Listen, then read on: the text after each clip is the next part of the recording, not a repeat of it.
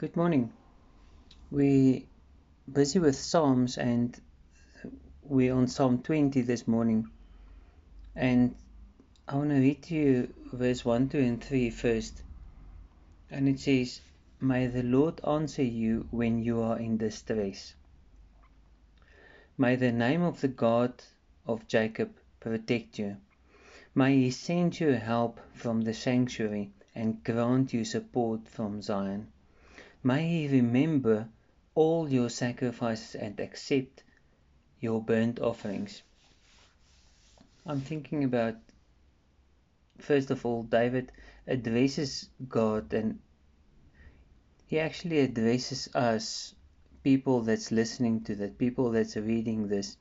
And he says that, you know what, if you're in distress, you're allowed to this to contact God to to speak to him and he will be there he will support you he will send help he will, he will be there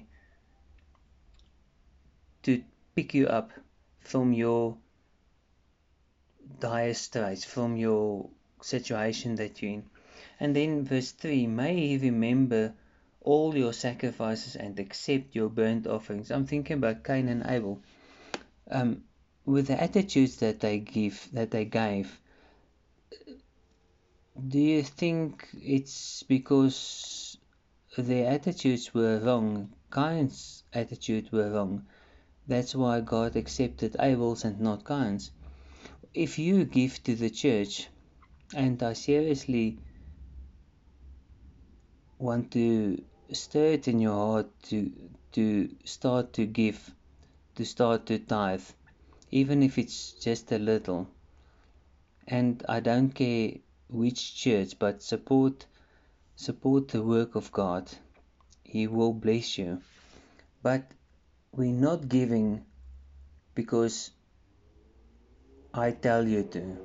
We're not giving because the pastor tells you, you know what, it's a good idea to give we give out of thankfulness and and i can testify about so many things where i gave and god is good to me god god is god is always good to us because we we tithe because we give and then he carries on in verse 7 and he says some trust in chariots and some in horses but we trust in the name of the Lord our God.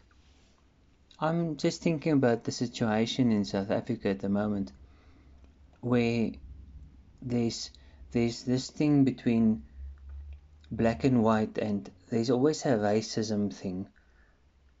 Um, some people run to the EFF and they join. I don't want to talk politics. Some people run to the Boeremag and you, you know what is that really where our freedom lies? I don't think so. I think and i, I actually know it that our freedom our our future lies with god. We can trust him. We can trust him with our lives. Why don't we take our bible and we run to church on sunday? Uh, instead of running to some other political meeting because this guy he, this one that i'm going to he's gonna rid south africa of the other race or the, that that other pe- lots of people that's that's not working the way we want them to work. Let's let's start to look beyond people's outward look, what they look like, what color their skin is, what language they talk. I'm an I'm an Afrikaans speaking person, and you know what? Um, if it needs me to to communicate in English, I'll do that so that so that some of you can understand me. So let's meet each other somewhere, and and let's not see a terrorist in each every second person that we see from a, different race. Let's trust in God for freedom, for, for our freedom. Let's pray. Father, thank you so much for your word. Thank you that we can learn from it. Lord, thank you that you can make us free. You can rid us from racism. Racism is something that Satan brought in so that we can hate people on earth. And it's not it's not on. It's it's a totally not on for, for me. And I know for you as well. You made every person, doesn't matter who they are, according to your image. Thank you for that. Lord, and help me to make a difference today. I pray it in Jesus' name. Amen. Shalom. Enjoy your day.